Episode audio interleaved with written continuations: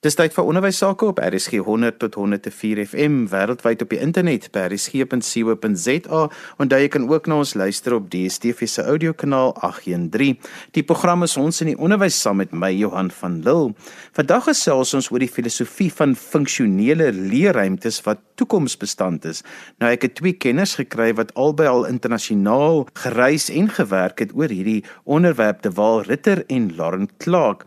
Lauren, kom ons begin sommer by jou as ons praat van leerruimtes, hoe is dit dan nou anders as 'n klaskamer of is dit dieselfde ding? Dit kan dieselfde ding wees, maar almal weet dat ons leer eintlik die hele tyd. So 'n leerruimte kan eintlik baie verskillende plekke wees en ek dink as ons probeer alles in net 'n boks van 'n klaskamer te sit, mis ons baie geleenthede om goed te leer en al hoe wêreld verander en hoe ons leer verander en hoe ons leer verander. So leerruimtes kan 'n klaskamer wees, maar dit kan ook 'n stel van klaskamers of 'n oop plek wees of trappe of buite of 'n hele klomp plekke wees. Johan, ek kan nie meer saamstem met haar nie. Ek ek dink sy som dit heeltemal reg op. Dit kan enige plek wees en ek dink uh, ons is gewoond gemaak en ek wil nou sommer gaan spring daarna die eerste industriële revolusie toe dat ons moet almal in 'n vierkantige ruimte sit in 'n roosterpatroonrye mm. en dis leerders wat eintlik geskool was om na fabrieke toe te gaan maar ons weet almal die landskap het verander en almal werk nie net meer in fabrieke nie. En sy is heeltemal reg daai ding van 'n leer kan op enige plek plaasvind is die goed wat ons moet ontsluit. Selfs as jy kyk na oplossings van selfgerigte leer of jy leer teen jou eie tempo of jy leer in 'n groep. Ons het nodig om ruimtes te ontsluit wat daai goed sal bevoordeel. So Lauren, as 'n mens begin praat oor 'n funksionele leerruimte en ons sê hy lyk so klein bietjie anders as 'n klaskamer met sy vier mure en sy rye van banke, wat bedoel ons met 'n funksionele leerruimte want daardie tipe leerruimtes wys navorsing vir ons kry onderwysers eintlik soveel meer gedoen met kinders. Dis waar. Leerruimtes wat funksioneel is, daar's 'n hele klomp elemente. Die een waarvoor ek baie werk is klank. So as jy kan dink, as 'n klaskamer nie net 'n boksie met 'n deur is en jy gaan nou bietjie meer ander tipe leerruimtes gebruik, moet daar baie meer bewus wees van hoe iets gebruik word. Wat doen mense? Wat gebeur langs aan? So miskien as daar 3 verskillende klasse is wat langs aan in 'n plek wat geen deure het, dan moet jy bietjie meer bewus word van hoe iets gaan. Daar's ook 'n paar basiese elemente wat belangrik is. Dis soos as jy nie iets akoesties ingestel het nie, dan kan mense eintlik nie alles hoor. So dan as jy nie iets hoor, kan jy nie iets leer nie. Want Lauren, ek wil juist vir jou daaroor vra want ekho in klaskamers is iets wat mense later gewoond raak, maar hulle verstaan nie regtig wat die impak is op die kinders se leer nie. Daar's 'n navorsingsstudie wat gewys het dat as jy in 'n klaskamer sit wat niks akoestiese materiaal het en as jy aan die agtergedeelte van die klaskamer sit, gaan jy net 40% van die klank hoor of van wat die onderwyser sê hoor. It's a mix of the echo being too long, so your speech signal gets muddier. Children can't hear because of reflection. En dis ook as klank te hard is in 'n klas of daar te veel klank in 'n klas, kan jy ook nie oor dit hoor nie. Dit kan regtig kinders dit nadeel as hulle nie alles kan hoor nie. Veral as hulle nie in hulle eerste taal leer wat in Suid-Afrika baie belangrike of 'n baie um, common ding is. Terwyl jy het nou reg oor die wêreld ook al na klaskamers, leerruimtes gekyk en dis baie interessant dat um, baie van die staatskole in ander lande doen interessante navorsing oor hoe hulle hulle tradisionele klaskamers in leerruimtes kan omskakel. Ja Johan, ek dink dit is 'n groot trendsverskywing wat ek dink ons in in Suid-Afrika moet maak dat ons glo dat uh hierdie goed kan net plaasvind in die private sektor in dis eintlik nie die waarheid nie. Dit kan in die openbare sektor waar die staatskole um opereer ook plaasvind. Ons het net nodig om eenvoudig te gaan sit en daai uitdagings te analiseer en dan gaan jy by 'n oplossing uitkom Ek dink in lande soos Finland waar ek veral gesien het waar daar baie min privaat skole is wat ons as voorbeelde gesien het, maar eerder die staatskole, het jy gesien wat doen hulle met ruimtes wat oortollig is of wat 'n stoor is of wat 'n te groot sirkulasieruimte is soos 'n gang en hoe hulle dit benader en asnog 'n leerruimte gebruik. Met ander woorde, jou sirkulasie deel is nie net vir sirkulasie nie.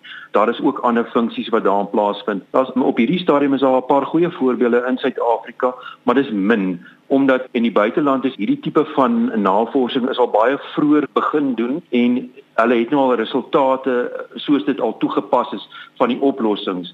En ek dink tog in in Suid-Afrika veral die goed toe ek uh, die eerste keer met Lareno kontak gemaak het wat hulle doen rondom die klanknavorsing is belangrik om aan aandag te gee. Ek het ver oggend in 'n nuwe skoolruimte gestaan waar daar nog geen behandeling of of goed teen die mure is nie en jy kan nie ek gehoor en ek dink by myself ons het nodig om hierdie aspek aan te spreek jy kan dit in die aanvanklike ontwerp aanspreek as die argitekte dit beplan, maar op die ouene van die dag wanneer hy daar staan, gaan jy nog steeds moet bietjie aandag gee aan wat is daai ruimte wat daar is. Is dit 'n oop plan ruimte? Is dit 'n auditorium styl ruimte? Is dit 'n geslote ruimte soos 'n tradisionele klas? En watse oplossings kan ek by daai ruimte voeg om dit meer bruikbaar vir, die eindgebruiker te maak. Onthou as argitekte en en ek weet uh, Lawrence se agtergrond van interieurargitektuur speel 'n verskriklike groot rol in dit ook. Ons het sekere oplossings tot op 'n punt, maar dan moet ons begin luister na die eindgebruikers. Met ander woorde, ek praat nie van die operateur van 'n skool of of dit in die staat of die privaat sektor is nie. Die eindgebruiker is die leerder in die klas op daai sitplek as ook die onderwyser wat daar staan.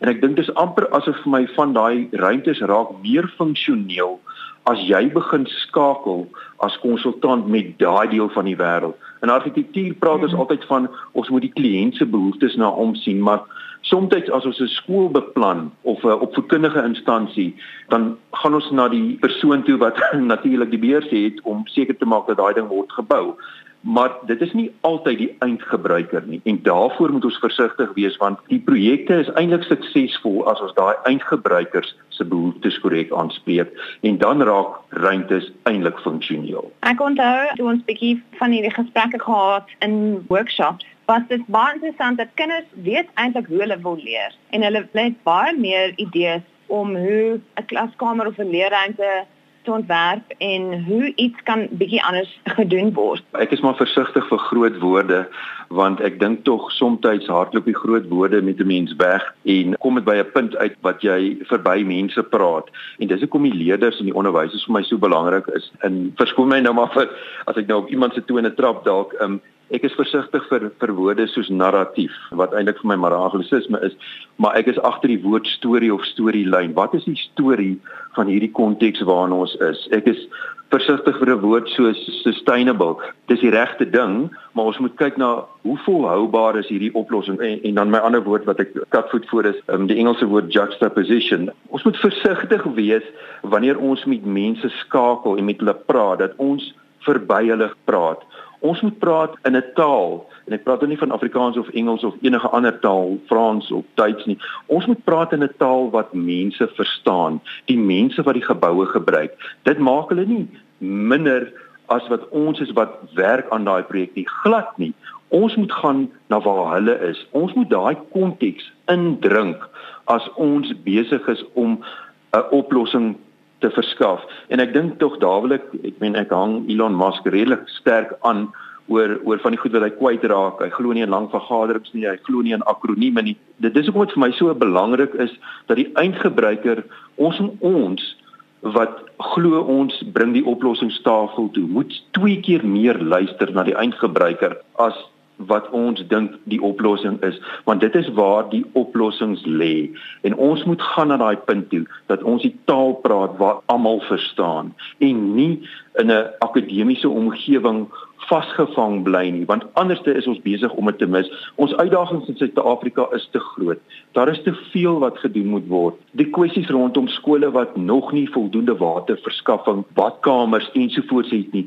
Dis eenvoudige goed wat onmiddellik opgelos kan word. Ons sien sien die suksesverhale van slaggate wat in die Vrystaat opgelos word deur mense wat betrokke raak. Maar daai mense is betrokke omdat hulle die probleme verstaan en hulle weet hoe om dit op te los.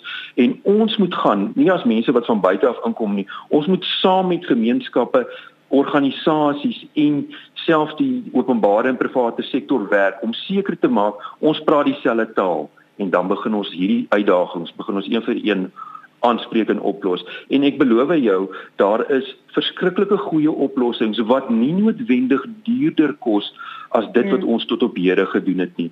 Ek wil by julle hoor, as ek nou in 'n doodgewone skool is, 'n publieke skool met gewone klaskamers en ek wil my klaskamers 'n bietjie toekomsgerig maak. Ek wil bietjie dinge verander dat leer beter kan gebeur. Wat is die aspekte wat dan belangrik is? Want soos ons almal weet, daar is nie begroting nie. Ek dink van die navorsing wat ek reeds gesien het in 'n land soos Portugal waar ek voorbeelde gesien het, was begroting ook 'n uitdaging geweest en die argitekte daar het letterlik in daai konteks begin saamwerk met die openbare sektor en hulle het die oplossings verskaf tesame met die onderwysers. En hulle het eintlik baie suksesvol reg gekry veral in Lissabon en omstede om die openbare skole soos wat ons dit in Suid-Afrika ken om dit te verbeter en uit te bou.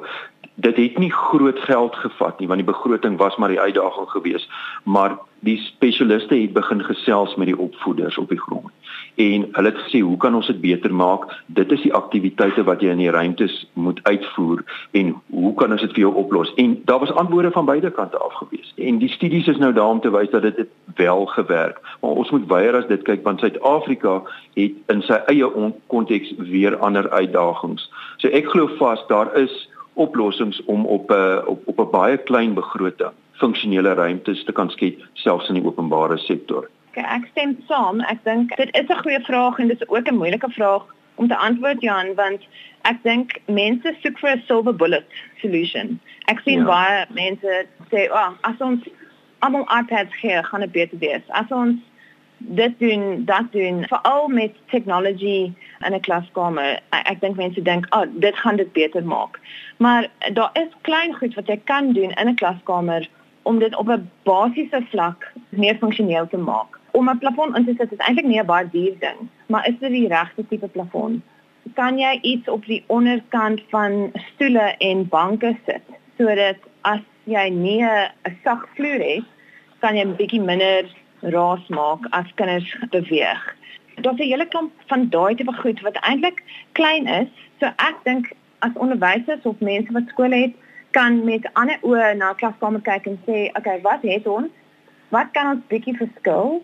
En dan eers na van die silver bullet opsies kyk, so technology wat ek dink ons ons hoop as jy dit insit, gaan dit al die probleme oplos. Lauren, jy het regtig dit mooi opgesom in terme van die woorde silver bullet en ek dink dit is wat mense soek.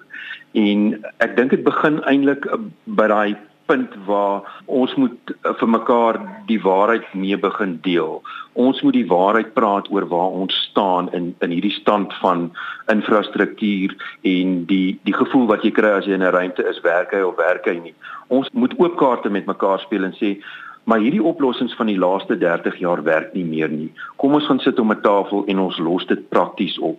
Jy het gesê oor die plafonne, dit gaan oor vloere, dit gaan oor meublement. Die keuses wat jy maak van meubels, moet jy nie 'n pasmaak meubelstuk vervaardig nie. Ons het dit nou onlangs gedoen en op die ouene van die dag, dit was in die begin duurder geweest om dit te vervaardig, maar die oomblik as dit na 'n 'n volume bestelling toe beweeg dan raak dit meer koste-effektief. So ons moet kyk na daai oplossings en sy's heeltemal reg. Silver bullets gaan ons nie kry nie. Ons het nodig om want dit is 'n groot probleem. Ons het nodig om hom stukkie vir stukkie te takel en op te los. En daar is regtig eenvoudige oplossings. Ek wil nou net teruggaan na die badkamers by sekere kontekste wat wat nie in volle werking is nie. Waar ek net voel, dit is kennis wat ons het. Ons weet hoe om dit op te los kom ons gaan doen dit.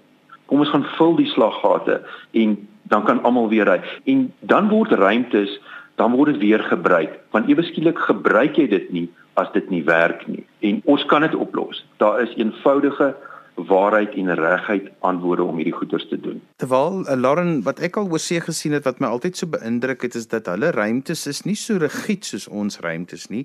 Hulle maak baie keer planne om selfs mure amper op wielietjies te sit. Hulle sit omtrent alles op wielietjies sodat die klas elke keer funksioneel kan rangskik word om te pas by die ervaring wat die onderwyser beplan en soos ek nou die navorsing kan lees, maak dit 'n reuse verskil in hoe kinders leer en die klas situasie ervaar. Mm, ja, jy kan dink jy wil nie elke dag in dieselfde plek met presies dieselfde alles al is jy by die huis wil jy bietjie iets verander. So ek dink jy is heel reg dat dit 'n funksionele verandering maak. Ja, ek, ek kan saamstem. Die oplossings om jou grense van kom sê 'n leerruimte versus 'n klaskamer, mobiel of buigbaar te maak, is goeie oplossings. Ek dink ons moet kyk na wat is daai mobiele of buigbare skeiding? Is dit iets soos hierdie afskortings wat jy in koöperatiewe omgewings kry wat klank kan help absorbeer en visueel ook dit kan afsny?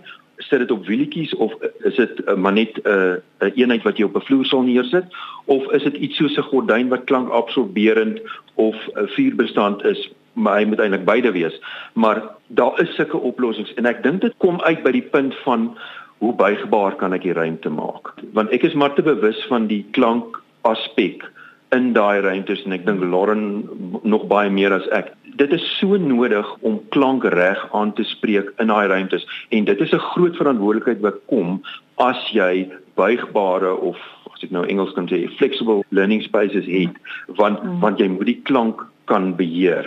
Jy jy, jy gaan dit nie 100% kan beheer nie. Lauren help my reg as ek verkeerd is, maar ja. maar jy moet dit kan beheer op 'n manier want anders dan kan die leerder dit nie reg inneem dit wat plaasvind in daai ruimte nie. Dit is 'n balans tussen flexibility en performance.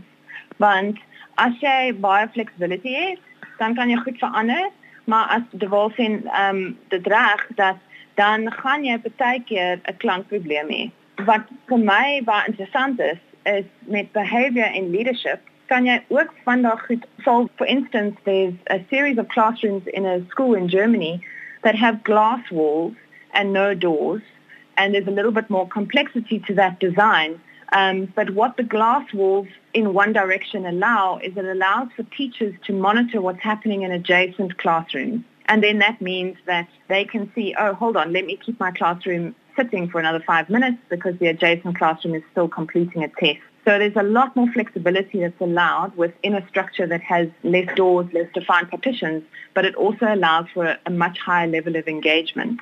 And through both material selection, design, and behavior and leadership, you can create then a very functional environment. Lauren daai leierskap Johan wil ek ook iets oor sê en ek en ek dink tog dit, dit speel 'n groot rol. Dis hoekom die eindgebruikers vir my so belangrik is. Die hoofde wat 'n sekere skool bestuur of uh, beheer, uh, uitoefen, uh, het sy dit die private sektor of die openbare sektor is, daar's groot sleutels uh, by daai hoof in opgesluit dat hy moet inkoop oor hoe so buigbare leerruimte skool kan werk. As jy nie die bestuur se inkoop het nie, dan gaan die manier hoe ons skole gedoen het in die verlede vir die laaste 200 jaar gaan dit nie verander nie. Dan gaan dit dieselfde bly. So daai leadership is definitief 'n groot ding waarna mense moet kyk en dis hoekom eindgebruikers so belangrik is. Maar sy's reg, daai glasoplossings, die feit dat jy kan amper toesig hou in die ruimte langs dan en dit kan 'n beweegbare glasoplossing wees. Dit is eintlik baie lekker om daai voordele te hê want dit maak ruimtes groter of kleiner. Dit skuif jou brein se grense op daai punt want jou brein kan beweeg van hier waar waar in jou lyf is na 'n ander plek die daar buite, maar maar soms besef ons nie hoe die fisiese grense al is dit uh, deursigtig hoe dit ons inperk as individue nie. So ja, ek is baie groot voorstander selfs van glasgrense om dit in te bring in ruimtes, maar hulle dan mobiel of beweegbaar te maak. En dan natuurlik die leierskap element. Daar is jong hoofde van skole wat deurkom wat dink alreeds verby hierdie lyne wat glo dat ons moet meer buigbaar beplan want hulle het hierdie idees wat hulle in hulle skole wil doen. Dis wat ons moet ondersteun. En dan moet nie die kinders onderskat nie. Die Engelse woord resilient. Hulle weet wat om met daai ruimtes te maak. Ons dink in ons konteks van waar ons vandaan kom. Hulle dink hulle in hulle konteks waar hulle vandaan kom en waartoe hulle op pad is. En ons kan leer by die kinders. Ons moet dit nooit onderskat nie. Ek wil ten slotte wil ek vir julle albei vra om vir my so iets interessants te noem net kortliks wat julle by 'n oorseese skool gesien het wat julle bybly en wat julle dink, "Sjoe, dit kan hom lekker werk in Suid-Afrika." Ek het gesien en het eintlik aan hierdie punt 'n bietjie vroeër gepraat dat corridor spaces baie meer van 'n leerruimte gebruik word. So ek dink ons kinders in Suid-Afrika het skole, daar leer hulle en dan is dit, you know, die hall en buitekant, maar van daai in-between spaces wat regtig funksioneel kan wees en interessant kan wees, dink ek veral in hoërskool kan dit baie goed wees om te help as kinders saam sal werk na die na klastyd. En daai tipe kinders gaan ook plan werksruimtes baie makliker vind as hulle gewoond raak om in daai tipe ruimtes effektief te doen. Ja, ja Lauren, ek ek dink sirkulasie is vir my 'n groot kopseer as dit by beplanning kom want ek dink dit raak so groot persentasie van wat gebruik word en ja my my twee voorbeelde Johan wat ek aanhang is definitief in Denemarke en Kopenhagen die die Orestad Gimnasium waar sirkulasie 'n baie klein persentasie is en dit het deel geraak van hierdie samewerkingsruimtes of waar collaborative work plaasvind waar dit net 'n beter oplossing is eerder as om 'n klomp vierkante meter aan sirkulasie af te staan. Onthou dit moet aan statutêre regulasies voldoen in terme van die nasionale bouregulasies in ons land, maar dit kan vir ander ruimtes ook aangewend word. En dan natuurlik die laerskool in die noorde van Engeland by die naam van Jasmine Gardens waar hulle letterlik die buigbaarheid van meer as een klaskamer langs mekaar die grense hmm. getoets het deur daai grense weg te haal, gordyne te gebruik glas afskortings te gebruik en dit sal my altyd bybly. Dit is Orestad en Jasmine is, is die twee wat sing in my kop. Maar ek glo daar's nog baie ander voorbeelde waar ons nog nie eens by gekom het nie. En so gesels De Wal Ritter en Lauren Clark, hulle is al twee kenners op die gebied van funksionele leerruimtes en ons het juis vandag gepraat oor hoe maak 'n mens leerruimtes toekomsbestand. De Wal, as mense met jou wil verder gesels, hoe kan hulle met jou kontak maak? Johan, enige tyd, hulle kan my skakel direk op uh, 083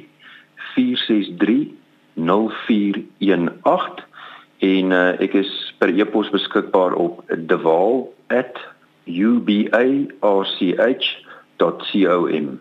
En jy Lauren? Uh, dankie Johan. My uh, nommer is 065 697 1333 en mense is, is uh, ja welkom om my te bel. E-posadres is lauren l a u r e n @ecofon.com. Ecofon is E C O P H O N. En as jy weer na vandag se program wil luister as 'n pot gooi, laat dit af by resgep.co.za. Skryf gerus vir my e-pos by Johan by vvmedia.co.za. daarmee groet ek dan vir vandag tot volgende week van my Johan van Lille. Totsiens.